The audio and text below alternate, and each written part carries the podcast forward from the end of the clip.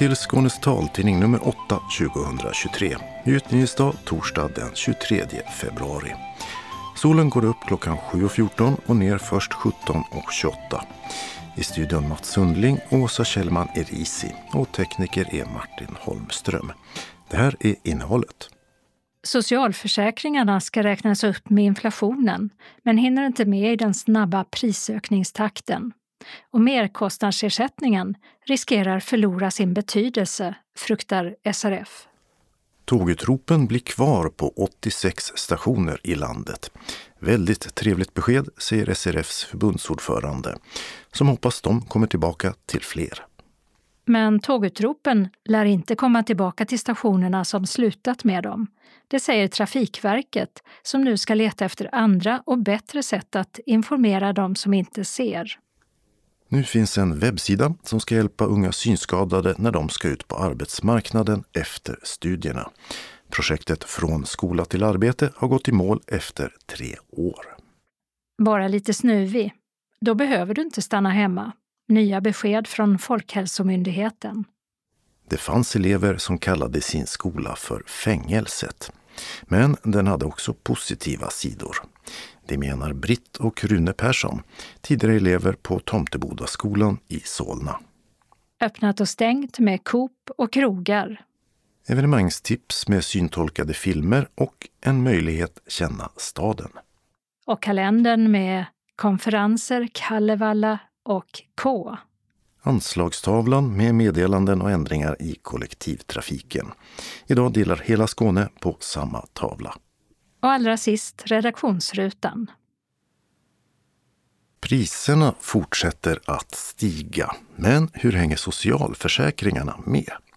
Ja, I januari var inflationstakten 11,7 procent.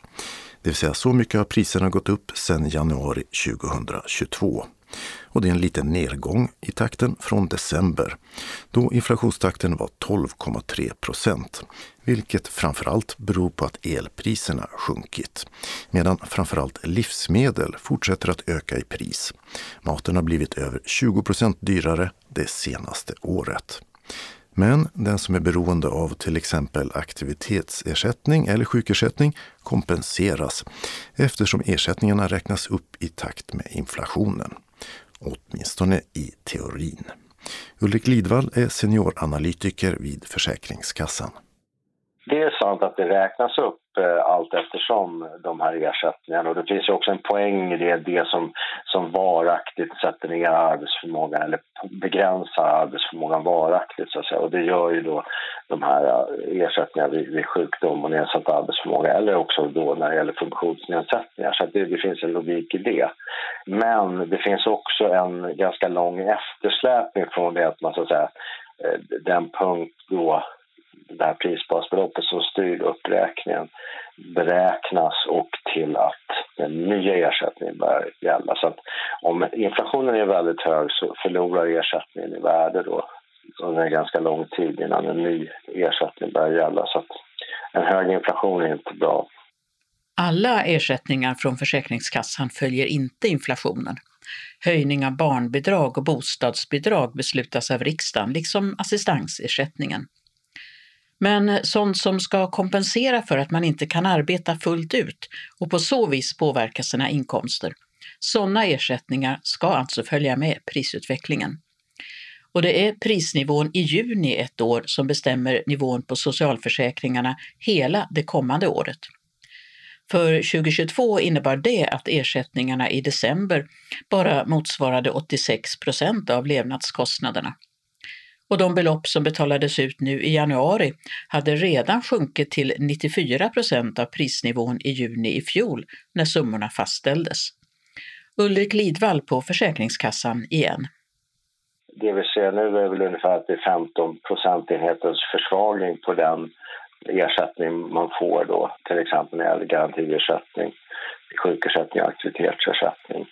Och det är ju ganska stor försvagning och så där kommer det tyvärr att se ut om vi ligger kvar på den här höga nivån. Men det hoppas vi ju alla att vi ska komma ner på en mycket lägre inflationsnivå. Då kommer det eh, se mycket bättre ut. Men varför jämför man med ett pris som ligger så långt tillbaks i tiden?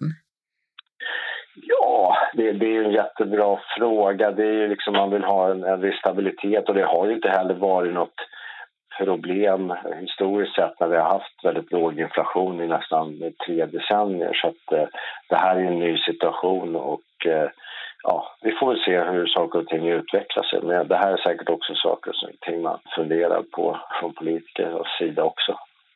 Om det här fortsätter så att säga. Men hur ser ni från Försäkringskassan på det här? Är ni oroade över att eh, de här ersättningarna halkar efter så mycket? Ja, oroade. Eh, vi, vi bevakar ju hela tiden det här och, och så att analyserar och ser vad effekterna blir. Så att om det här blir långvarigt så då, då skulle jag nog säga att, att då eh, blir man ju fundersam och, och så hur, hur, olika grupper ska liksom klara sin ekonomi. Vi, vi är fortsatt vaksamma över utvecklingen och följer naturligtvis den noga.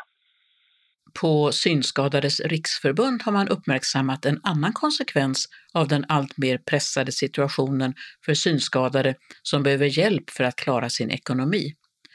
Nämligen att kommunerna ibland räknar merkostnadsersättningen som en inkomst för den som söker försörjningsstöd. Lennart Karlsson är intressepolitisk handläggare på SRF.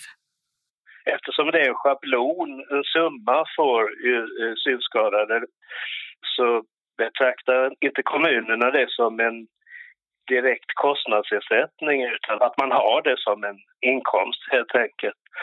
Och eh, det är egentligen helt fel. Men eh, så har många på socialen på kommunerna räknat. Så handläggarna ser det på det viset. Har ni provat något sådant fall? Överklagat, testat? Jag vet att det dyker upp eh, sådana fall och eh, att de personerna har haft svårt att få rätt i, i domstol då eftersom eh, handläggarna går på de vägledningar och så som de får från Socialstyrelsen. Så att det har varit svårt att, att, att driva det och få rätt i domstol. Det är det vi nu har sagt att vi måste titta mer på och se vad kan vi göra någonting åt det? Behövs det en lagändring eller finns det andra förändringar som inte tar lika lång tid som vi kan jobba för? Till exempel att man ändrar vägledningen för socialsekreterarna. Och egentligen tycker jag det är skandalöst om jag får uttrycka det så att man drar in då pengar som Försäkringskassan betalar ut för, för att man har ökade kostnader. Det drar kommunen in och så täcker man upp en del av försörjningsstödet med, med de pengarna. Det, det känns ju helt fel. Men det, det var intressant att frågan kom upp nu, för vi har precis börjat titta på, på detta och också på en del andra, några andra saker som har med, med den merkostnadsersättningen att göra. Vi tror att en del som borde få den inte får den eftersom de inte har fått rätt information då, från Försäkringskassan. Rätt information, hur då? Om man, om man tittar på till exempel på internet, på deras sajt. Om man läser vem har rätt till ersättning så står det inte att synskadade har om man har en, en, en svårare synnedsättning, inte har ledsyn eller är, är, blind så, så har man ju eh, rätt till den här schablonen men det, det, det står inte på hemsidan direkt utan man får gå ner och titta under andra avdelningar och frågor om, om merkostnadsersättning. Då hittar man det. Men de beskriver inte detta på ett bra sätt på på hemsidan. Och alla handläggare på Försäkringskassan verkar inte veta om det heller utan folk får överklaga då i, i rättssystemet för att få rätt och så. Så att en del får inte informationen i första läget. Ibland så kan inte handläggarna regelverket och informationen på Försäkringskassans hemsida är dålig helt enkelt. Det sa Lennart Karlsson, intressepolitisk handläggare på Synskadades riksförbund. Vi hörde också Försäkringskassans Ulrik Lidvall. Reporter var Birgitta Fredén. Tågutropen blir kvar på de 86 stationer i landet som har kvar dem. Efter protester från bland andra Synskadades riksförbund har Trafikverket backat från beslutet om att ta bort utropen för tåg som går i tid, senast i april. Och myndigheten ska nu utreda hur trafikinformationen ska bli bättre. Niklas Mattsson är SRFs förbundsordförande. Jag tycker naturligtvis att det var ett eh, väldigt trevligt besked att få från eh, Trafikverket. Vi tolkar det som att de har eh, lyssnat på oss och förstått vad det är vi säger och insett själva då att det var ett dåligt förslag att fortsätta att dra in på de här utropen.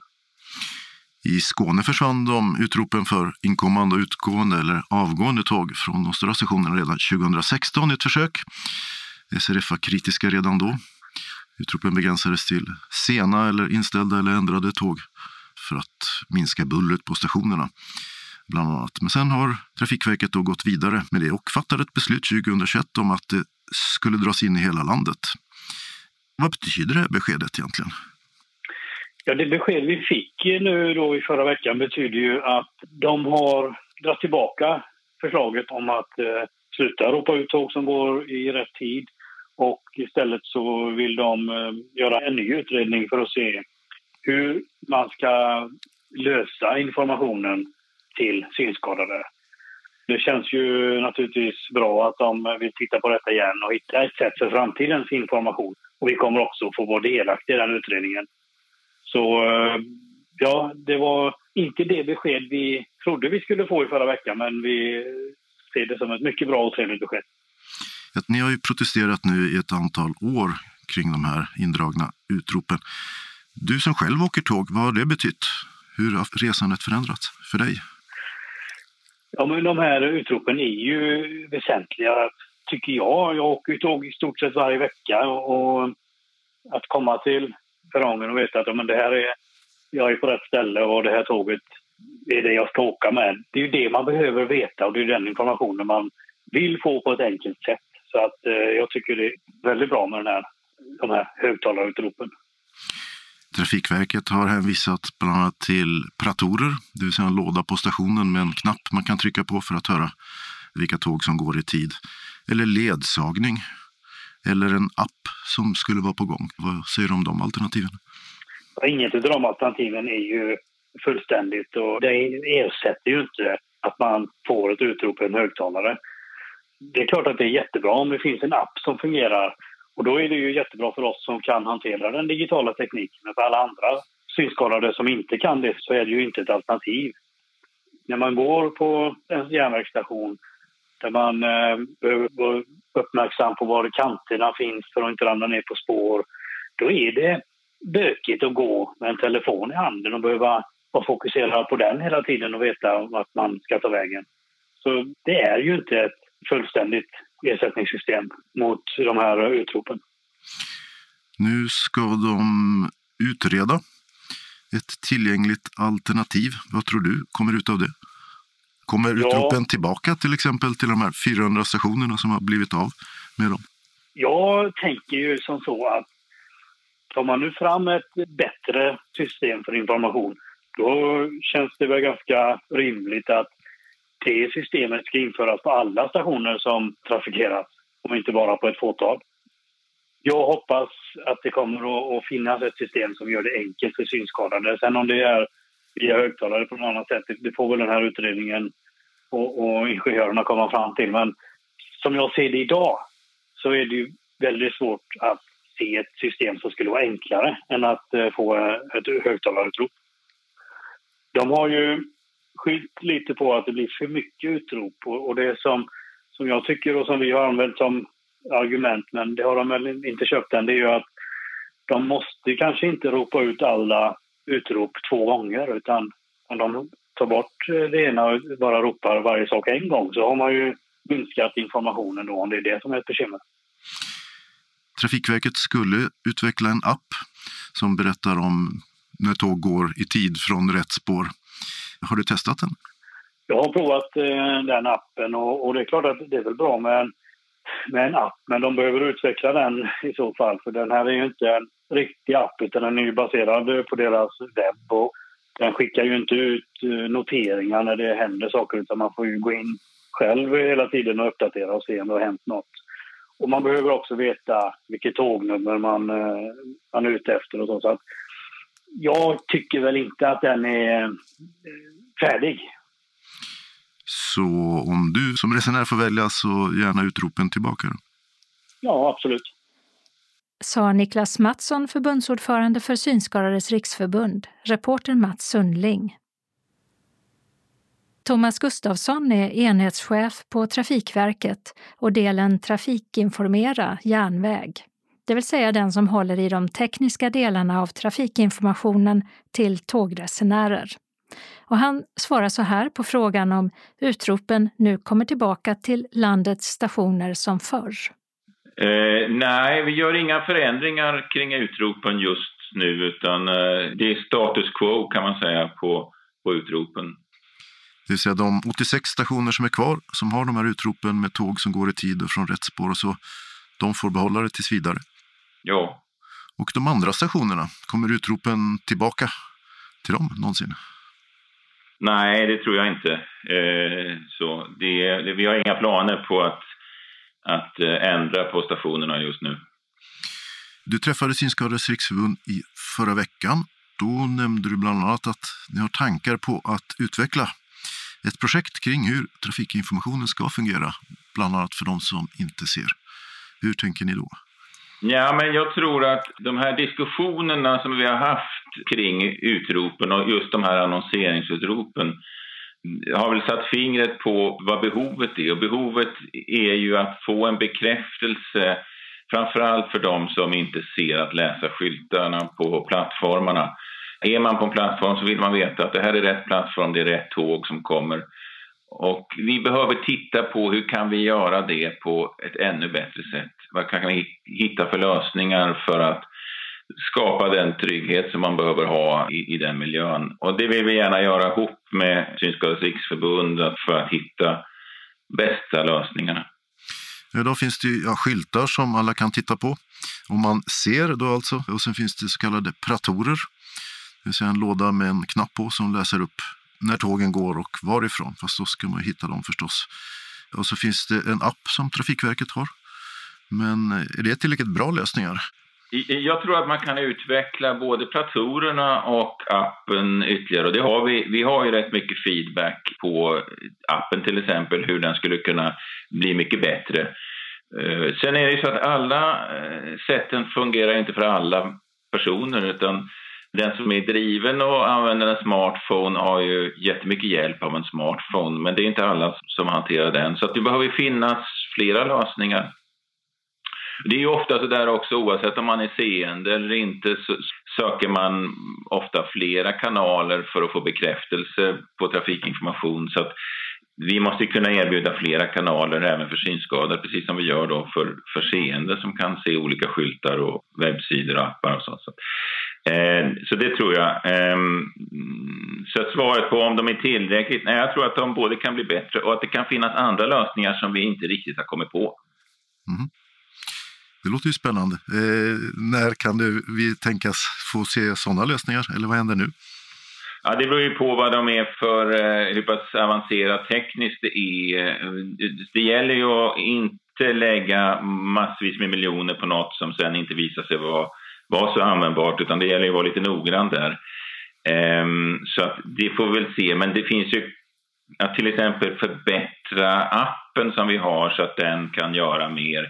Det kanske går fortare och, och lite gesvintare och då kan man ändå komma en bit på väg.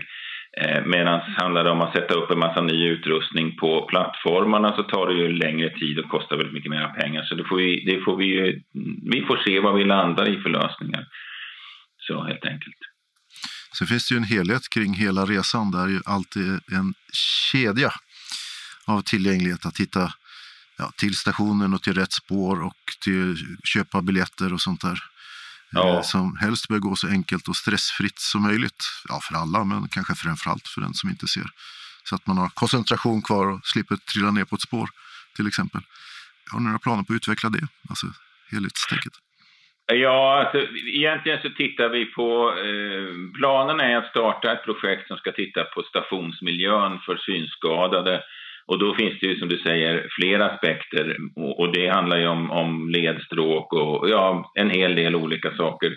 Det ska man ju veta att ett utrop hjälper ju ingen att hitta på stationen. Det talar inte om hur man ska gå, det talar bara om vart man ska och så. så att, eh, det, ingenting är ju man behöver en kombination helt enkelt. Ingen enskild förmåga är tillräckligt bra utan eh, man, man måste ha flera olika sätt eh, på det där. Så man behöver titta på det absolut.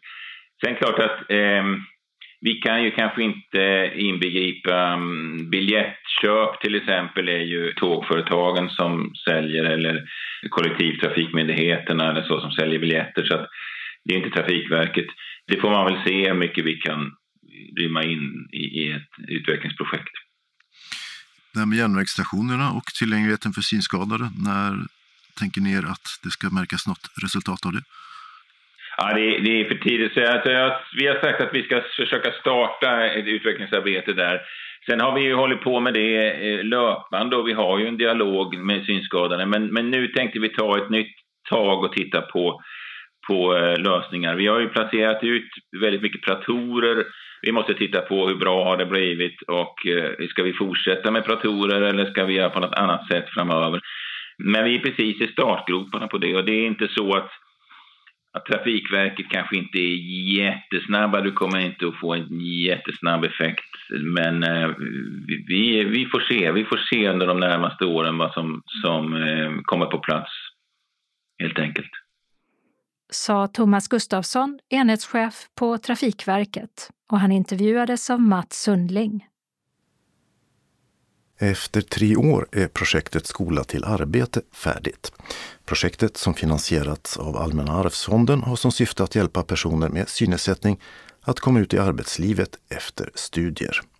Och trots att pandemin har gjort det svårare att träffas fysiskt så tycker projektledare Anna Balte, som sitter på SRF Skånes kansli, hör att det gått ungefär som hon tänkt sig. Det har det väl blivit ungefär. Tanken var ju att vi skulle skapa ett verktyg för synskadade ungdomar som ska ut i arbetslivet i form av en webbplats där man ska kunna hitta information och inspiration i sitt jobbsökande. Och det har vi gjort. Och eh, på samma webbplats finns det även en flik för där studie och yrkesvägledare kan läsa information om hur de ska tänka och de hittar ju också då information på ett ställe om hur de ska hjälpa synskadade ungdomar. Så på så sätt har det absolut blivit, vi har uppnått det resultat som det var tänkt att vi skulle uppnå. Skola till arbete.se. Yes, där har vi den. Eh, ja, när man kommer in på hemsidan då så, jag kan ju sätta på talet också. Då är den ju gjord ganska för att det ska vara enkelt att navigera när man inte ser. Så då finns det ja, olika, så här, välj yrke. Då läser man ju hur man gör när man ska välja vilket yrke man vill jobba med då. Och sen hur man söker arbete. Sen har vi våra filmer. Där är det dels en film där jag berättar om själva projektet, en liten kort presentation. Och sen är det även en syntolkad film med två vuxna personer med synnedsättning som har jobb. Men det har ju varit också tre år med pandemi. Hur har det spelat in? Det har spelat in ganska mycket, i alla fall i början av projektet framför allt. För att vi började ju då med att ringa runt till ungdomar och samla in statistik om hur situationen såg ut för synskadade ungdomar, om man hade jobb eller pluggade eller var arbetslös och så för att få en bild av hur situationen såg ut. Och då tänkte vi även att vi skulle samla ungdomar i olika fokusgrupper där man skulle prata om sin situation. Och det var ju lite svårt i och med pandemin. Dels att man inte fick träffas i grupp särskilt mycket och att man inte riktigt visste om det skulle gå eller inte och när restriktioner skulle upphöra och sådär. Vi fick ju genomföra väldigt mycket i den mån det gick via telefon och via Teams och sådär. Och det går ju också på sitt sätt men det blir ju lite, krång, lite svårare. Dels var ju alla inte lika vana vid att använda Teams och så då. Och dels så blir det inte riktigt samma diskussion, det blir inte lika levande som när man träffas fysiskt. Och när du då har pratat med ungdomar om eh, deras situation när det gäller övergången från skola till arbete, Vad har förvånat dig mest? Det som slår mig är ju just att det är väldigt många men, som har väldigt svårt att veta hur man ska, var man ska vända sig för att få stöd och hur man ska tänka. Och jag eh, har insett under det här projektet att väldigt många ungdomar är väldigt osäkra på vad man kan göra när man inte ser, vilka yrken man kan rikta in sig på och sådär.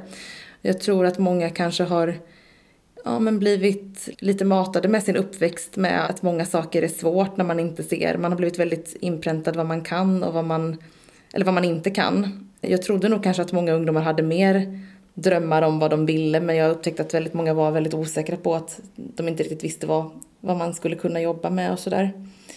Och det vi har försökt som ska genomsyra i projektet är ju att vi försöker ha en inställning liksom att det mesta går snarare än att det inte går. Man ska fortsätta att drömma. Man ska fortsätta att drömma. Sen kanske man inte får sitt drömjobb första gången man söker men man ska ändå fortsätta drömma och fokusera på vad vill jag i första hand och sen fundera över hur man kan lösa det utifrån sin synnedsättning för att väldigt mycket går ändå att lösa och det finns kanske andra som har löst det innan och som man kan få hjälp och inspiration av och sådär. Ska vi se. Har vi våra filmer. Där är det dels en film där jag berättar om själva projektet, en liten kort presentation och sen är det även en syntolkad film med två vuxna personer med synnedsättning som har jobb. Kan du sätta på den, eh, ja, någon ja, av dem? det kan jag göra. I filmens början ser vi Matilda på promenad i Kalmar. Hon går raskt och rör sig fritt, utan hjälpmedel. David går med vit käpp och vid Christer Indes ledsagande arm. Christer Inde inleder. Hur kan man som ung och synskadad få ett jobb man gillar och som man är kvalificerad för? Hur kan man göra sig själv rättvisa på sin arbetsplats? Hur ska man vara som människa? Här möter du två starka personligheter. David Sundström i Karlstad jobbar på Myndigheten för samhällsskydd och beredskap. Vad har varit det svåraste då? Ja, men dels som sagt pandemin och att man inte har kunnat träffa ungdomar så mycket som man skulle vilja. Och att det var svårt, just att det har varit svårt att planera med tanke på restriktioner och sådär.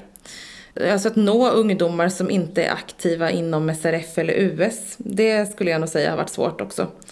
För att de ungdomarna har vi ju inte riktigt något bra sätt att hitta. Vi har fått satsa mycket på de ungdomar som finns inom vårt register och i US och sådär och det är ändå relativt många. Men vi vet ju inte kanske hur stort mörkertalet är som vi inte har nått. När man då bygger upp en sån här webbplats som man ska ha nytta av om man inte ser eller ser dåligt. Mm. Vad är det för information som många saknar och som de har velat se där? Dels är det information om hur, hur man ska tänka när man funderar på vad man vill bli. Och det är ju en text som vi har fått hjälp att skriva från en studie och yrkesvägledare. Där är det just det här att man ska börja inom sig, tänka för sig själv, liksom, vad vill jag? Eh, vad har jag för drömmar? Vad kan jag? Och sen börja fundera på hur jag kommer dit. Men sen är det ju framför allt det som vi har eh, fokuserat på också som många vill ha det är ju just information om vilket stöd man kan få från hur det fungerar med arbetsförmedling och lönebidrag, hjälpmedel och sådana saker. Och även information om hur man gör när man söker jobb. Men om anställningsintervjuer och mall för CV och personligt brev och sådana saker. Och en som fick svara på frågor och bli intervjuad av Anna Balte för några år sedan när han gick i gymnasiet i Tingsryd om sina framtidsplaner det var Yasin Hai Abdo som numera arbetar bara några meter bort från Anna Balte på SRF Skånes kontor i Hör. Där är han projektanställd för att lära ut hur man som synskadad kan använda sig av en smartphone. Och att gå från skola till arbete för honom, det gick betydligt lättare än vad han själv hade tänkt sig. Det kändes faktiskt riktigt svårt och det har man eh, ofta hört att det är svårt. Men eh, för mig det gick ju mycket enklare än vad jag trodde faktiskt. Jag var i skolan, eh, jag gick på gymnasiet, sen så gick jag lite i Glimåkra folkhögskola. Och eh, innan jag ens slutade på folkhögskolan så har jag redan varit på ett jobbintervju i SRF Skåne och redan några dagar efter så har jag fått veta att ja, men, jag har ju fått jobbet. Så att, eh, För mig det var väldigt smidigt att gå den vägen så att säga, från skola till arbete. Men betyder det första arbetet mycket, att man liksom kommer in och får ett arbete tror du? Ja, men självklart. Det betyder väldigt, väldigt mycket tycker jag. För att som synskadad så har man färre chans att få ett arbete jämfört med en person som är seende. Inte för att man inte kan och inte för att man har ju brist som synskadad utan det finns ju saker som man kan göra kanske ännu bättre som synskadad än personer som ser. Men fortfarande i dagens samhälle så arbetsgivarna ser mest på, ja men de tycker, ja men han är, han är ju synskadad, jag, jag kan ju anlita någon annan som, eh, som, som gör detta jobbet som är seende. Eh, varför ska jag ha en synskadad? då? det blir, alltså man tror att det inte kommer att funka och så. Men om man har jobbat tidigare, man har haft ändå ett första jobb, så blir det ju enklare att hitta ett jobb sen. För att då ser arbetsgivaren, ja men den här personen har ju faktiskt förmåga att arbeta. Han eller hon har jobbat innan. Så att det tycker jag är väldigt, väldigt, väldigt viktigt. För att man ska kunna komma vidare. Ett första jobb är väldigt viktigt. Och det är Synskadades riksförbund, Unga med synnedsättning Syd och utbildningsföretaget Iris Hadar som tillsammans står bakom Arvsfondsprojektet Skola till arbete som nu slutredovisas. Och webbsidan skolatillarbete.se kommer att fortsätta uppdateras och spridas även efter projektets slut. Vi hörde projektledare Anna Balte och Yasin Ay Habdo, intervjuade av Åsa Kjellman Erisi. Folkhälsomyndigheten har kommit med det nya rådet att det nu är okej att gå till jobbet eller skolan med lite snuva, huvudvärk eller ont i halsen. Under pandemin rådde Folkhälsomyndigheten som bekant den som hade dessa symptom att stanna hemma. Häromveckan meddelade de att de flesta åtgärderna mot covid försvinner. Och i förra veckan sa myndighetens Sara Byfors till SVT att citat har man bara lättare symptom som snuva eller lite ont i halsen kan man gå till sitt jobb beroende på var man jobbar. Jobbar man med äldre kanske man har andra riktlinjer från sin arbetsgivare. Och om du har hög feber kanske kroppen signalerar att nu ska du vila. Slutcitat. Och på en pressträff i torsdags sa Folkhälsomyndighetens generaldirektör Karin Tegmark Wisell att om man har testat positivt för corona och dessutom känner sig sjuk ska man lyssna på vad kroppen säger och stanna hemma. Sen toppen kring nyår med många smittade av coronaviruset har antalet konstaterade insjuknade sjunkit och de flesta har nu, tre år efter utbrottet, enligt Folkhälsomyndigheten någon form av immunitet från vaccin och eller ett tidigare insjuknande. Så ska vi förflytta oss tillbaka till 60-talet och Solna precis intill Stockholms stadsgräns. Tomtebodaskolan för synskadade som fanns där var ett internat med elever från hela landet. Men den som bodde i Stockholm kunde också bo hemma. Britt och Rune Persson har erfarenhet av båda varianterna. Britt är från Stockholm och Runes föräldrar flyttade dit från Skåne. Men bägge bodde också en period på skolan. Britt har en kraftig synnedsättning medan Rune är blind. Och deras upplevelser är mycket blandade och så småningom får vi höra dem sätta betyg på Tomteboda. Som för deras del också spelade en mycket speciell roll. Vi har träffats där. Mm. Ni träffades på Tomteboda? Ja. ja. Gör det att minnena blir extra ljusa? Ja, men sen var Britta gift med en annan efter den tiden. I, hur mycket var det? Tio år till va? Tolv? Ja, vi, vi kom ifrån varandra mm. helt enkelt. Gjorde vi ett tag. Ja, om jag säger Tomteboda, vad säger du då Britt? Ja, då säger jag höstfester, utflykter i skärgården och eh, de trevliga skolavslutningarna som faktiskt hette examena. det, det tyckte jag var jättetrevligt. Det tänker jag på mycket. Sen fanns det ju nackdelar också med Tomteboda. Det var bra undervisning i inte stora klasser. Man kunde fråga lärare om man ville veta någonting och de, de hade tid att hjälpa till tyckte jag. Annars bodde jag ju mycket hemma eftersom mina föräldrar flyttade upp till Stockholm. Så att jag och även Britta åkte då skolbuss när det kom igång. Jag var ju en del hemma också i och med det. Ni var alltså inte internatelever? Jag var det i fyra år därför att vi eh, bodde liksom på andra sidan stan. Och det var svårt att lösa transportmässigt helt enkelt. Eh, sen när jag kom i fjärde klass så sa jag att eh, nu, nu vill inte jag bo här längre helt enkelt. För att det var för instängt, man skulle begära permission. Man levde inte på samma sätt som syskonen gjorde om man säger så. Nu hade ju inte Rune någon syskon men jag hade det och såg skillnaden. Begära permission, det låter ju som ett uh, fängelse. Vi kallar det faktiskt fängelset också. Det, det här lättades något på slutet kan man säga utav 60-talet så det blev bättre men hade du eget rum eller delade rum eller var det sovsal? Hur var det? Jag kommer inte ihåg om vi var fyra eller sex när, när jag gick i de högre klasserna. På småskolan så var det stora salar. Och sen var det ett stort tvättrum där alla skulle stå och tvätta sig tillsammans och bås som man hade som toaletter. Jag bodde väl ungefär en termin på Tomteboda då, årskurs ett. Men sen skaffade min mor en bil som kunde köra mig. Så sen bodde jag hemma.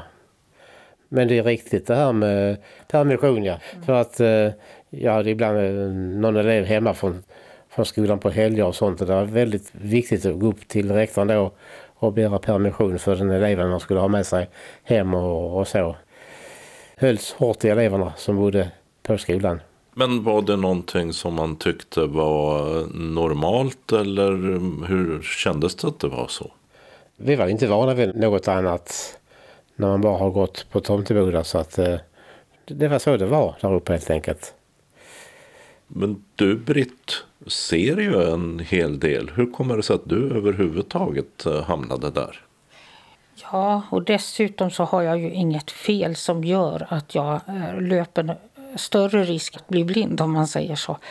För annars så var ju det vanligt att om man hade sjukdomar som gjorde att eh, ja, när du blir vuxen då kan du bli helt blind och då skulle du förberedas för det också. Eh, men har man syn, då ska man få använda den. Man fick ju nästan höra att eh, man kunde bli blind om man använde den. Försökte man hindra dig? Man sa att man kunde bli blind till exempel om man läser punktskrift med ögonen. Och det var ju ganska motsägelsefullt för det gjorde ju lärarna själv. Faktiskt. Och man skulle lära sig att känna, man skulle lära sig att höra. Det har jag ju i och för sig nyttat av, men det kanske jag hade haft ändå, det vet jag inte. Men jag är synskadad. Det räknas jag ju som. Jag, jag ser ju väldigt dåligt, men jag vet inte varför jag hamnade helt enkelt. Men, men tycker du att du eh, hamnade rätt på Tomteboda? Nej, inte riktigt. Det tycker jag inte. För jag har aldrig haft så mycket nytta av punktskriften. Det är väl när jag ska förmedla mig med Rune då. Men du har haft nytta av punktskriften Rune? Ja, den läser jag eh, nästan dagligen. Någonting om ett annat med punktdisplay på datorn. Så att, eh, det är mitt skriftspråk. Det tycker jag är väldigt viktigt att, att framhålla. Att utan punktskrift inget skriftspråk. Hur var det att äh, lära sig det? Fick ni börja med det direkt som sjuåringar? Ja, och det började från början med A och B, C och så enkla punkter. Sen gick det framåt till mora och rör och olika små korta meningar. Så att det ledde från början. Visst var det så? Alltså din familj Rune flyttade med dig upp till Stockholm. Och ni hade ju båda era föräldrar i närheten. Det måste ju ha varit annorlunda för den som skildes från sina föräldrar och föräldrarna kvar i andra änden av landet. Det är stor skillnad för jag vet att min, min mormor hon, hon jobbade på Tomtebodaskolan. Hon, hon städade och lite sånt och hon, hon tröstade många elever som kom från långt från Norrland och, och sånt som var väldigt ledsna att inte kunde komma hem och, och så. Så att det, det, var mycket värre för dem, det är helt rätt. Skåningar och göteborgare och sådana där det kom flera ifrån, då hade ju de lite mera glädje av varandra kan jag tänka mig. Och, så att, eh, vad är dina minnen om du tänker dig att du kliver in genom portarna till eh, skolan? Det kändes jättestort. Det är ju gammal byggnad, den byggdes 1887 eller något sånt där så det var ett stort och högt i tak och eka lokaler och så. så att, eh, var vi 180 elever någonting på 60-talet maximalt. Så att det var, det var gott om plats. Ja, det var långa korridorer med eh, skolsalar var det. Även sovavdelningarna var ju så. Och det, hade, det var väldigt noga med, eh, man, man hade alltså, där de äldre eleverna gick ifrån årskurs 4, där hade man väldig uppdelning på pojkavdelning och flickavdelning och eh, pojksidan på huset. Man hade egen port för pojkarna och sen hade flickorna en egen port och eh, kapprum och så. Och, och man hade ju till och med varsitt eh, sånt här eh, dagrum. Sen på slutet, jag vet inte om det var 68 eller något sånt, då eh, ordnade man så att man hade ett gemensamt dagrum i alla fall så man kunde sitta. Men där gick ju eh, personal omkring och tittade så att det inte hände någonting. så då såg jag det som min uppgift att alltid hälsa artigt på den här personalen. Varför då? För att alla skulle veta att nu sköter de sig för nu var det personal på gång. Men eh, när personalen inte var på gång, vad hände då? Det hände inte så mycket. Det gjorde det inte. Nej. Det hände bara om att de satt jämte varandra men det var väl knappt att man fick det egentligen heller. Hur minns du det här Rune? Jo men så var det. Det var väldigt uh, uppdelat. Alltså pojkar och flickor på tomteboda. Det var väldigt förbjudet. Skulle ni ha varit mer olämpliga att umgås över könsgränserna än elever i vanliga skolan? Ja, det verkar ju så. jag tror inte det, men eh, så var det på den tiden helt enkelt. Eh. Men var det någonting som ni diskuterade med varandra och försökte smita över? Eller? Ja. Det var killar som skaffade nycklar så att de skulle kunna låsa upp ta sig in på flickavdelningen, det vet jag. Ja, nej, jag var inte där på nätterna så det vet jag inte så mycket om. Men jag vet att det har hänt. Och de försökte umgås nere i skogsområdet och andra platser så att eh, det försöktes på olika sätt. Det, det är klart att det gjorde så. så det, det, var ju mycket värre där än i andra skolor. Det, ja, ja. det var det. Vi hade inte det värst. Vi var på skolresa i Finland en gång och där var det ännu värre. Där var det totalförbud mellan killar och tjejer då. De fick dansa med varandra en gång i veckan. Så det var enda gången de fick träffa varandra. Så vi hade inte det sämst, det hade vi inte. Det var årskurs sju som åkte till något av de nordiska länderna. Man hade ett utbyte. Så vi var i Danmark. Där eh, gick det till på ett helt annat sätt. Nämligen? Nej, man umgicks där och var som folk helt enkelt. Minns du Rune hur det var att komma till skolan första gången? Ja, det ville jag inte alls. Jag ville vara med, mina föräldrar så jag, jag, var inte alls glad. Det var jag verkligen inte. Så att, det, eh, det kändes inte tryggt. Men eh, det gick över. Det var ju så, man måste ha det så att... Jag upplevde det som att jag blev inlagd på sjukhus faktiskt för att det var ju vårdarinnor som det hette uppe på avdelningarna då. När man alltså inte gick i skolan. Det kändes som eh, väldigt obehagligt. Jag vet att det var så. De hade badade de eh, högst upp på förskolan. Var det varje fredag eller något sånt där liksom också. Mm. Då blev det allmän skrubbning av alla. En, en dam som gick omkring och tvättade alla. Blev du också skrubbad? Ja, jag var med någon gång. Det kändes inte så kul för alla. Var det trivsamt? Var det otrivsamt? Jag trivdes bra alltså, det gjorde jag. Det där individuellt, man kan anpassa sig med olika miljöer och så också klart ju. Det var, det var ändå ganska stort och kanske lite stelt i vissa sammanhang. Och det kunde gjort lite bättre med mat för det var lite... De körde ju mat i vagnar. Och det var inte riktigt varmt alla gånger. Och, ja, det var väl inte världens bästa mat alla gånger, det kan man väl säga. Och, och vi, vi, som inte bodde på skolan, vi fick ju vi fick äta hemma då på morgonen. Sen fick vi då lunch vid halv elva, kvart i elva. Sen fick vi inte någonting för vi kom hem kanske vid fem, halv sex med vår skolbuss. Så att det var det var dåligt med mat. De andra fick ju middag så fort de slutade skolan sen vid fyra tiden. Hade ni kompisar utanför skolvärlden och kunde jämföra med vad de berättade? Inte när jag kom upp till Stockholm. Då hade jag inga alls. Eh, jag sa barn i min ålder. Det hade jag inte då. Första tiden. Sen fick jag ju en del andra kompisar men inte, inte så mycket. De, de flesta hade jag här nere i i Skåne. För vi hade sommarstuga kvar här i, i Löddeköpinge så att det var många från Malmö och Lund. Så på, så på somrarna levde man ju upp och kunde umgås med seende vänner. Men eh, frågade de hur du hade det där uppe? Inte mycket. Man fick umgås på så sätt som de var vana när man kom hit och det var ju mycket, mycket trevligt. Eh, när jag kom hem så hade jag ju kompisar. Det hade jag ju kvar liksom för jag bodde ju inte så långt bort. Var de frågvisa eller berättade du om eh, din skolvärld för dem?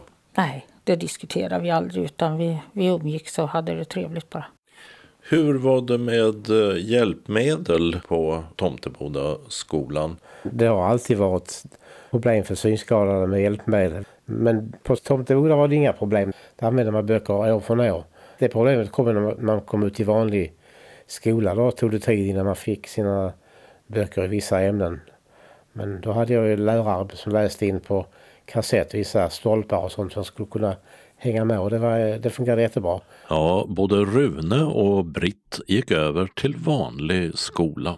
Britt efter åttonde och Rune efter nionde klass. Men för att komma på samma nivå som sina jämnåriga seende klasskamrater så fick de gå om en klass. Ja, det kändes väldigt eh, oroligt först. Kom ut i en helt annan miljö. Men eh, det var inte så länge sedan fick jag vänner bland eleverna där och det, det fungerade jättebra. Hade du assistent på det sätt som man har idag? Ja, det fanns en anpassningslärare som kom ibland och tittade till men jag hade ingen eh, assistent eh, där. Sen gick jag ju ut i eh, skolan hemma. Hur var det att byta till vanlig skola? Det var inga problem för min del.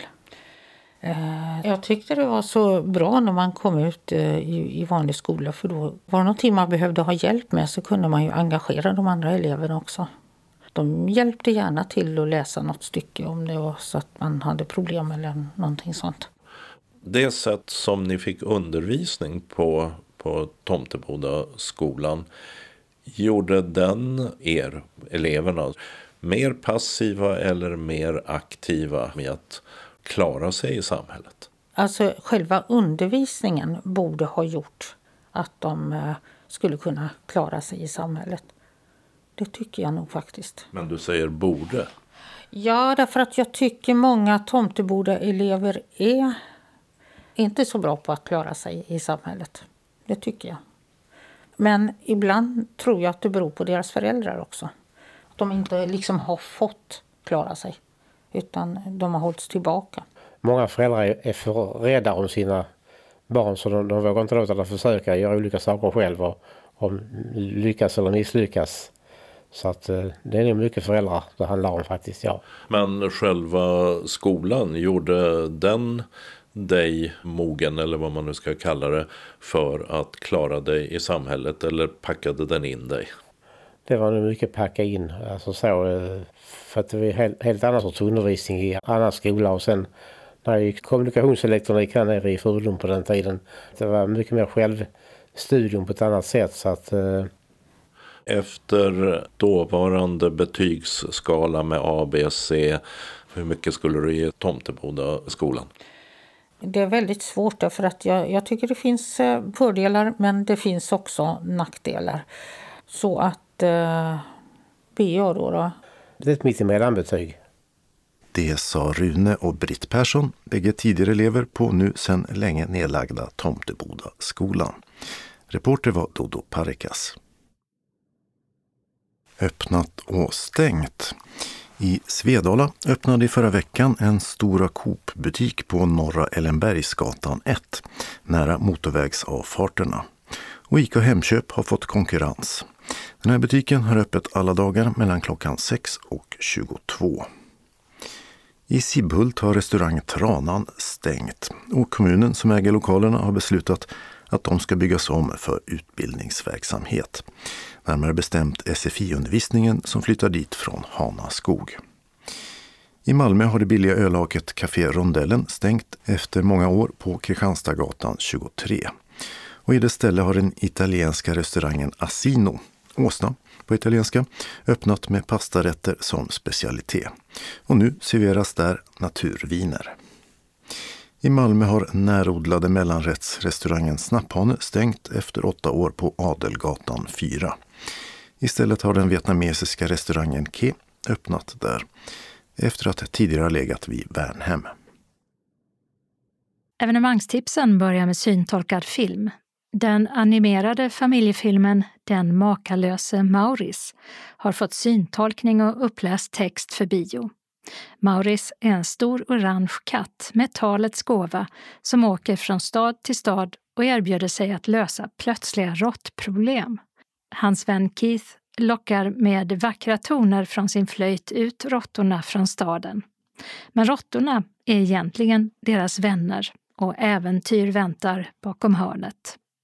Och mer syntolkad film under ungdomsfilmsfestivalen Buff som äger rum den 11-17 mars i Malmö. Och då livesyntolkas flera filmer. Den 11 mars är det förhandspremiär på familjefilmen Nelly Rapp, Dödens spegel, på Bio Royal som ligger på Södra Tullgatan 4. Och den här filmen går klockan 15 till 17. Och även den 15 mars klockan 9.30 kan man se Nelly Rapp och Dödens spegel på Filmstaden. Storgatan 22, då det är en extra visning som också är livesyntolkad. Filmen handlar om Nelly och hunden London som får sällskap av Valle då de beger sig ut i Svartskogen för att finna dödens spegel. Under filmfestivalen visas också The Kings of the World den 13 mars på Filmstaden klockan 9.15 till 11 där det både erbjuds livesyntolkning och eller uppläst textremsa. Filmen utspelar sig i Medellin, Colombias näst största stad och handlar om fem kungar utan kungarike, utan lag och familj och som lever ett tufft liv på gatan i stan. Men så ärver en av dem en bit mark och en lång vandring börjar. Senare samma dag, men på Panora, Frisgatan 19D, visas filmen Exodus klockan 12.45 till 14.50. Den handlar om 14-åriga Amal som är på flykt från Syrien och vill hitta sin familj. En roadtrip genom Europa där en unik inblick i livet som flykting utlovas. Den 14 mars klockan 9.15 till 11.15, också på Panora, visas filmen Bullets. Filmen är en dramatriller med 12-åriga Abdel i huvudrollen. Han växer upp i en utsatt förort i Sverige, men har lätt för att lära och blir uppmuntrad av en lärare. Men han dras allt mer in i den kriminella verksamhet som pågår runt omkring honom. Och senare samma dag visas filmen Sea Sparkle både livesyntolkad och om man vill med uppläst textremsa. Här handlar filmen om Lena som är en duktig seglare men hon förlorar sin pappa i en olycka med en fiskebåt. Och filmen kretsar kring hur Lena bearbetar sin sorg. Den 15 mars visas The Sleeping Beast klockan 12.15 till 14.10 på Nordisk filmbiograf som ligger på Per Albin Hanssons väg 40 även den livesyntolkad och med uppläst textremsa. Handlingen kretsar kring lek och äventyr vid en övergiven gammal fabrik, men en olycka ställer till det för Christian och hans bästa vänner. För alla filmer gäller att det är samling 20 minuter innan filmens början och man kan beställa gratis mottagare från syntolkning.nu. Och där kan man också boka biljetter som kostar 40 kronor. Malmö museer öppnar en ny utställning nu på fredag den 24 februari om arkitekturens betydelse i stan. Den heter Känn staden och berättar om Malmö i ständig rörelse och utveckling. Den pågår ända till den 5 november. I utställningen kan man till exempel ta del av den välkände fotografen Georg Odners fotografier av Malmö, där han fångade miljonprogramsområdena och människor som bor där. Men det kommer också att visas taktila modeller av Malmös mest kända byggnader som Malmö Live, Stadsbiblioteket och Turning Torso. Och som vi tidigare har haft reportage om här i taltidningen. Och modellerna är till för att undersökas och känna med händerna och visar hur form, arkitektur och digitalisering kan samspela för att göra staden tillgänglig. Utställningen är på Malmöhus slott, Slottsholmen och tar man trappan upp så går man sen till höger. I Sofia Albertina kyrka i Landskrona är det orgelkonsert den 25 februari klockan 16 till 17. Fredrik Albertsson spelar orgelmusik i fastetid. Det är fri entré och insläpp från klockan 15.30. Stadsbiblioteket i Lund får besök av författaren Torbjörn Flykt nu på måndag den 27 februari klockan 18 till 19. I bibliotekets atriumgård berättar han om sin trilogi om Johan Kraft med betoning på den tredje delen, Slugger, som kom 2022. Och Slugger finns som talbok och punktskriftsbok. Under de 50 åren som böckerna utspelar sig förändras samhället, Malmö och familjen Kraft, genom att olika gränser flyttas och överskrids. Och föreläsningen ingår som en del av programserien Gränser som Stadsbiblioteket har under våren. Både osynliga eller mycket tydliga. Det är gratis och ingen föranmälan behövs.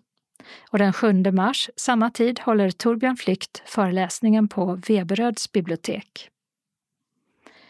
På Glemmingebro bibliotek hålls ett föredrag, Historiska nedslag i Glemmingebroområdet, onsdagen den 1 mars klockan 19 till 20. Det är Lars Jönsson som föreläser om Glemmingebro med omnejd utifrån arkeologiskt och historiskt källmaterial. Han berättar om både kända och okända fornlämningar i området, allt från stenåldersgravar till det medeltida Glemminge. Föranmälan till ingmarie.olsson ystad.se eller telefon 0722 48 22 67. Trelleborg Comedy Club med komiker från hela Sverige börjar den 10 mars på Stadsbiblioteket och har sedan ytterligare två datum inplanerade, den 14 april och den 12 maj. Det är också open mic under kvällarna där vem som helst kan testa att köra stand-up. Barn under 16 år ska vara i målsmans sällskap. Till dessa arrangemang krävs föranmälan till bibliotek trelleborg.se. Författaren Marianne Bakhtiari kommer till Stadsbiblioteket i Landskrona den 28 mars klockan 18 till 19 och samtalar om sin bok Godnattsagor för barn som dricker. Hon berättar också om sitt författarskap i stort och om hennes syn på situationen i Iran. Föranmälan till biblioteket vuxen.program landskrona.se Biljettinformation. Syntolkning nu. 031 360 84 45 Malmö museer. 040 34 44 00 Kalendern vecka 9 börjar med måndagen den 27 februari då Lage har namnsdag. Och Europaparlamentet tillsammans med berörda utskott i den svenska riksdagen är värdar för konferensen om stabilitet, ekonomisk samordning och styrning, den så kallade CES-konferensen, som äger rum två gånger per år i Bryssel. Vid konferensen diskuteras frågor kring ekonomi och skatt, men även till exempel sysselsättningspolitik. För 90 år sedan förstördes riksdagshuset i Berlin i en anlagd brand. Nazisterna, som tagit makten i Tyskland en månad tidigare, anklagade kommunisterna för branden och den holländske kommunisten Marinus van der Lubbe greps och avrättades. På senare tid har hans skuld ifrågasatts och 2008 frikändes van der Lubbe postumt.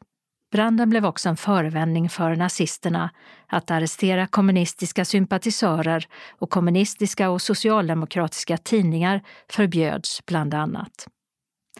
Tisdagen den 28 februari har Maria och Maja namnsdag. I Finland är det flaggdag eftersom det är Kalevaladagen, den finländska kulturens dag. Och dagen har fått sitt namn efter nationaleposet Kalevala som sammanställdes av Elias Lönnroth. Det är en hjältedikt i 50 sånger som är skrivet på versformen Kalevala meter eller finsk runometer. Onsdagen den 1 mars är det Albin och Elvira som har namnsdag. Och om mars månad skrivs i Bondepraktikan att om månaden är torr kommer våren att bli mycket vacker. Om det däremot åskar och blixtrar i mars är det stor risk för snö när maj månad drar in över landet. Och är det mycket dimma under månadens gång kommer midsommar att vara regnig. För 70 år sedan vann skidåkaren Nils Mora-Nisse Karlsson Vasaloppet för nionde och sista gången. Och än idag är det ingen som lyckats slå hans rekord på nio Vasaloppssegrar. Torsdagen den 2 mars börjar en tvådagarskonferens i riksdagen om utrikes säkerhets och försvarspolitik. Det handlar om EUs gemensamma utrikes och säkerhetspolitik och konferensen direktsänds via riksdagens webbplats från klockan 14. Hela första dagen då handlar det om Rysslands aggression mot Ukraina. Den andra dagen är ämnena fler och då är det bland annat Arktis som tas upp. Och då börjar webb-tv-sändningen redan klockan 9 på morgonen. I Istanbul börjar inomhus-EM i friidrott och även om en del internationella evenemang ställts in på grund av den förödande jordbävningen så har det Europeiska friidrottsförbundet beslutat att inomhus-EM ska genomföras enligt plan. För 110 år sedan grundades riksdagspartiet Bondeförbundet som ett intresseparti för de som bodde på landsbygden. Men sedan lång tid tillbaka är det också andra frågor som till exempel småföretagande som partiet värnar om. Sedan 1958 heter partiet Centerpartiet. Och namnsdag har Ernst och Erna. Fredagen den 3 mars är det Gunborg och Gunvor som firar namnsdag.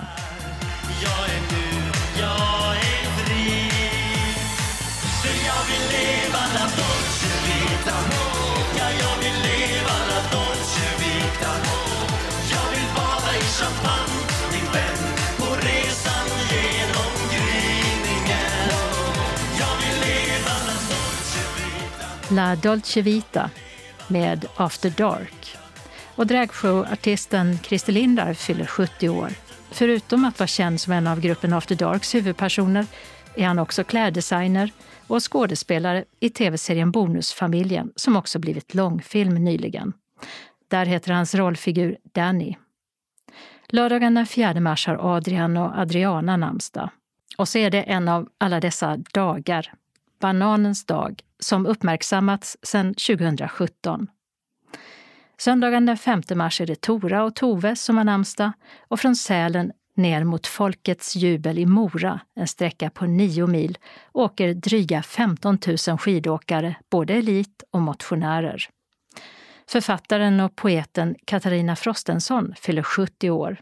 Hon har skrivit mycket poesi och debuterade med I mellan 1978 men även till exempel dramatik. Mellan 1992 och 2019 var hon ledamot av Svenska Akademin. Tillsammans med sin make Jean-Claude Arnault drev hon kulturföreningen Forum som upphörde 2017 då hennes make anklagades och dömdes för två fall av våldtäkt.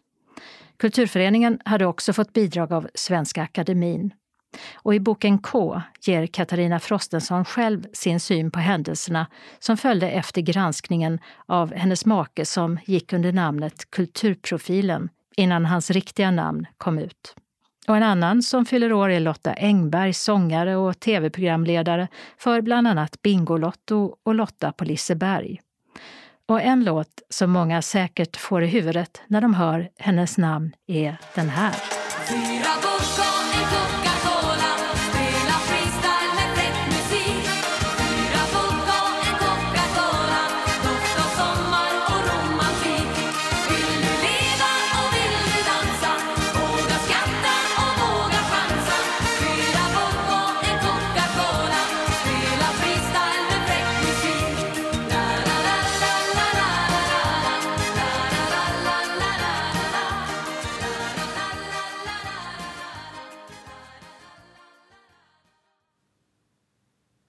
Anslagstavlans regionala del börjar med en hälsning från SRF Skånes valberedning.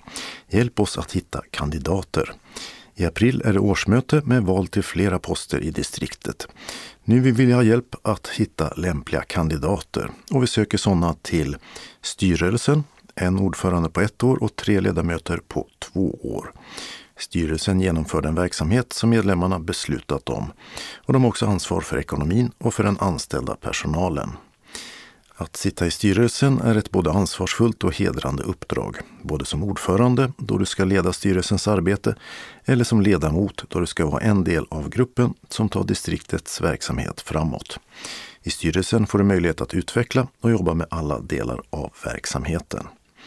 Nuvarande ledamöter vars mandatperiod går ut vid årsmötet är Maria Torstensson, ordförande, Anders Mordell, ekonomiansvarig, Jonny Ekström och Maj-Britt Ryman.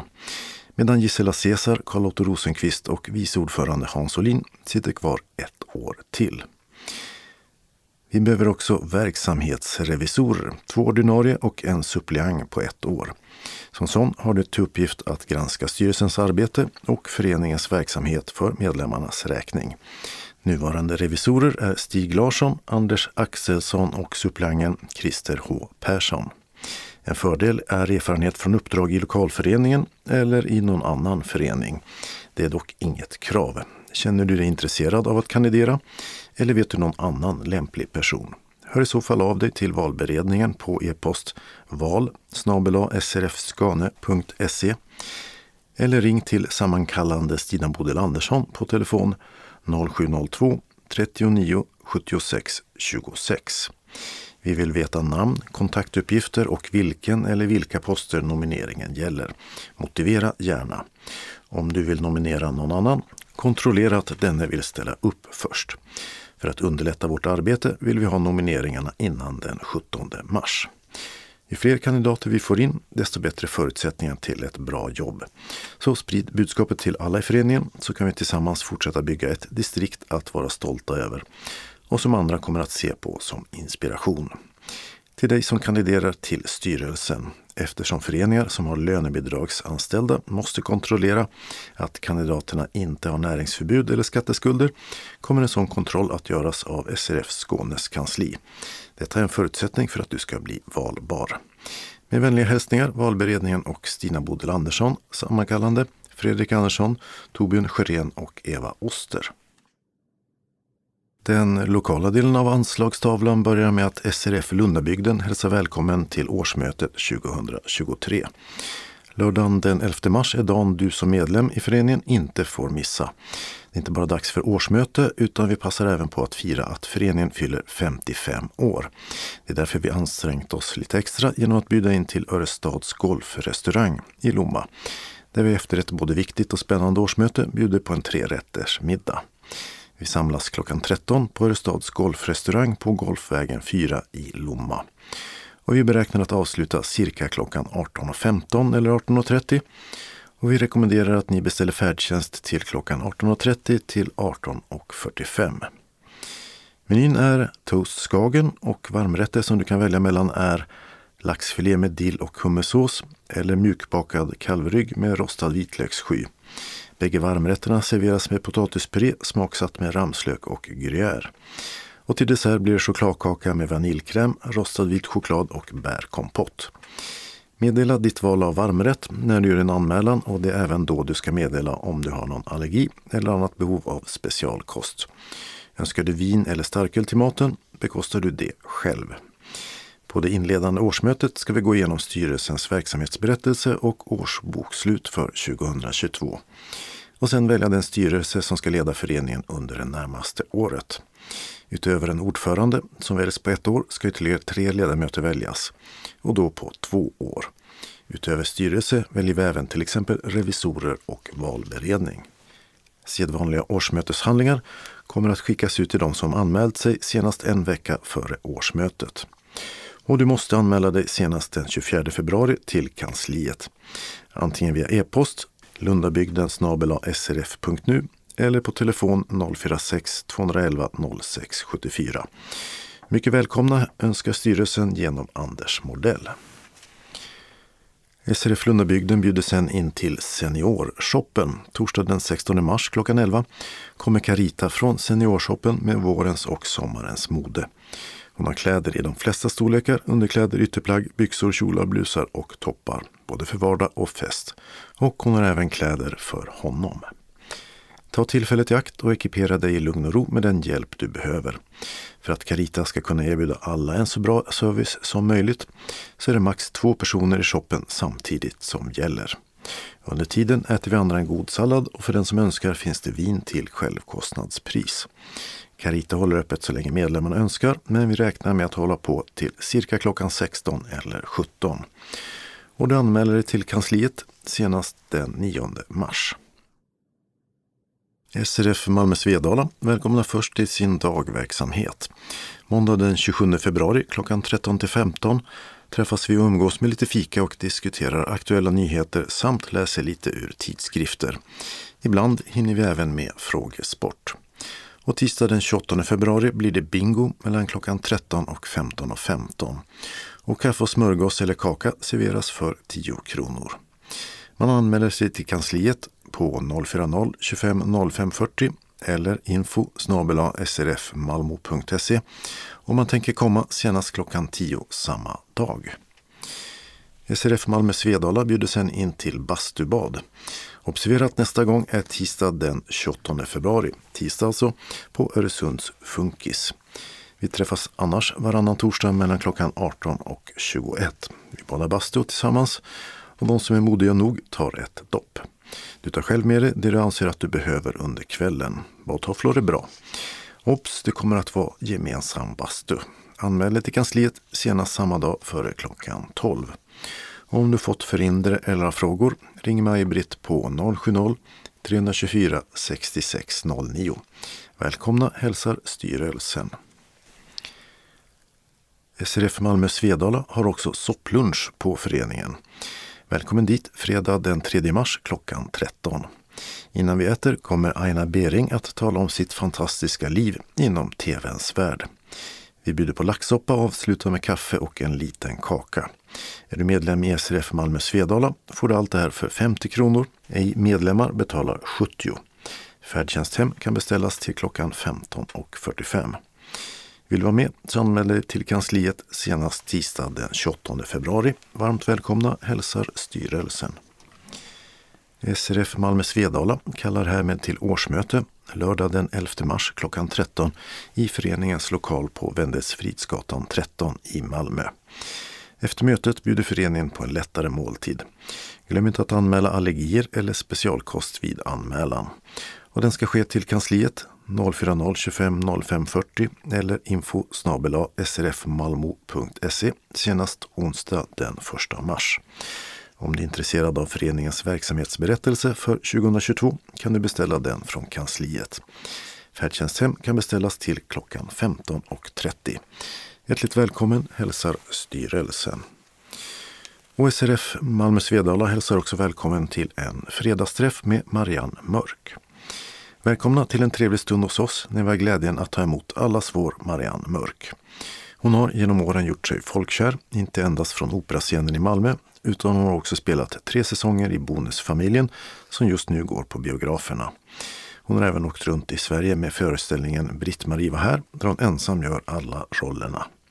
Senast kunde vi se Marianne i filmen Dag för dag, där hon spelade mot Sven Volter. Just nu spelar hon med i Funny Girl på Malmö Opera. Ändå har hon tagit sig tid för att besöka oss fredag den 17 mars klockan 13 i föreningens lokal på Vendelsfridsgatan 13 i Malmö. Läs gärna hennes biografi som ett surr mellan brösten.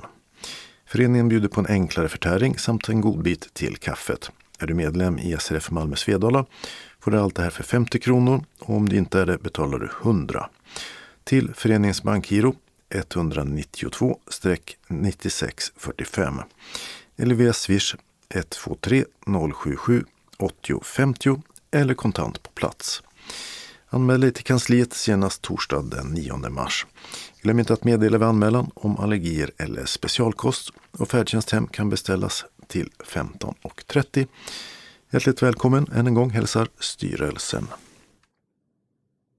SRF Västra Skåne bjuder först in till onsdagsträffen med Marias timme. Den 1 mars klockan 13 till 15.30 i SRFs lokal på Vaktgatan 3 i Helsingborg. Fikaavgiften är 30 kronor och Maria ska prata om någonting intressant. Vill du komma måste du anmäla dig senast tisdag den 28 februari klockan 12 till kansliet. Telefon 042 15 83 93 eller e-posta srfvastraskane srf.nu. Välkommen! SRF Västra Skåne bjuder sen in till onsdagsträffen den 8 mars klockan 13 till 15.30 i SRF-lokalen. Då blir det bingo och brickorna kostar 10 kronor styck. Fikavgiften är 30 kronor. Om du inte står på den fasta listan och vill ha fika är sista anmälningsdag tisdag den 7 mars klockan 12 till kansliet. Du behöver bara meddela om du inte kan komma om du står på den fasta listan. SRF Västra Skåne kallar till sist till årsmöte. Tisdag den 14 mars klockan 14 till 16.15 i SRF-lokalen på Vaktgatan 3 i Helsingborg. Det blir sedvanliga årsmötesförhandlingar. Anmäl dig till kansliet 042 15 83 93 eller srf vassraskane srf.nu senast fredag den 10 mars klockan 12. Om du inte står på den fasta listan. Glöm inte att meddela om du inte kan komma. Meddela eventuella allergier eftersom föreningen bjuder på landgång. Och fikaavgiften är åter 30 kronor. Välkommen! Vi avslutar med några tillfälliga ändringar i kollektivtrafiken och tågen först. I Helsingborg ska det utföras underhållsarbete som gör att inga tåg kör till och från Helsingborg. Från lördag den 25 februari klockan 22 till söndag morgon klockan 6. Och bussar ersätter inställda tåg. Och de flesta Öresundståg stannar inte i Landskrona och Helsingborg men gör extra uppehåll i Kävlinge. Och i Teckomatorp gör de samma sak från söndag den 26 februari klockan 19 och hela kvällarna och nätterna till torsdag den 2 mars. Under de tiderna kör Pågatågen en annan bana och stannar inte på stationerna Marieholm, Eslöv, Teckomatorp, Billeberga, Tågarp, Vallåkra och Gantofta. Men gör å andra sidan extra uppehåll i Kävlinge och Landskrona. Pågatågen mellan Kävlinge och Åstorp är också inställda. Och det är bussar som ersätter. I Evelöv har en slänt rasat vid Gamla Lundavägen och det ställer till det för regionbuss 341 som vänder redan i Bläntarp. Och dessa hållplatser stängs i bägge riktningarna utan hänvisning till andra. Nämligen Karupsmölla, Gamla Gästgivaregården, Evelöv, Gamla Östarpsvägen, Kulturens Östarp, Hemmestorps Fure, Villa Solhem, Humlamaden och Veberöd Öster. Och stängde också Veberöd centrum läge A. Bläntarp-Hasselvägen, läge A, liksom Smedjevägen A flyttas till andra sidan vägen. Och den sistnämnda, Smedjevägen A, blir ny änd och starthållplats för linje 341. Så ska det vara där till den 24 mars klockan 16. Lokalt så, i Kristianstad har en vattenläcka akut stängt stadsbuss 3 hållplats Lyckans höjd, läge B med en hänvisning till hållplatsen Hönedalsvägen B som ligger cirka 300 meter österut på Snapphanevägen. Stängde också hållplatsen Östra Kaserngatan B som ersätts av en tillfällig stolpe på Villansgatan strax söder om korsningen med Tredalagatan och det är cirka 350 meter i sydöstlig riktning. Och så ska det vara där, tror man, i två till fyra veckor. I Malmö till sist fortsätter regionbuss 150 hållplats Orkanen var stängd fram till 3 mars klockan 15 med Anna Linds plats A och B som ersättning. Och i Malmö börjar ett grävarbete på Östra Förstadsgatan som från måndag den 27 februari klockan 6 stänger stadsbuss 3 hållplats Värnhem läge I. Fram till den 3 mars klockan 15 finns en tillfällig hållplats cirka 65 meter framåt i bussens färdriktning. Och med det var det dags att sätta punkt för veckans Skånes taltidning. Nästa nummer nästa torsdag den 2 mars. Skånes taltidning ges ut av Region Skånes psykiatri och habiliteringsförvaltning. Ansvarig utgivare är Martin Holmström. Postadress Jörgen Ankersgatan 12, 211 45 Malmö. Telefon 040-673 0970. E-post Skanes taltidning snabela skane.se och hemsida skanestaltidning.se. Vi hörs igen. Hej då!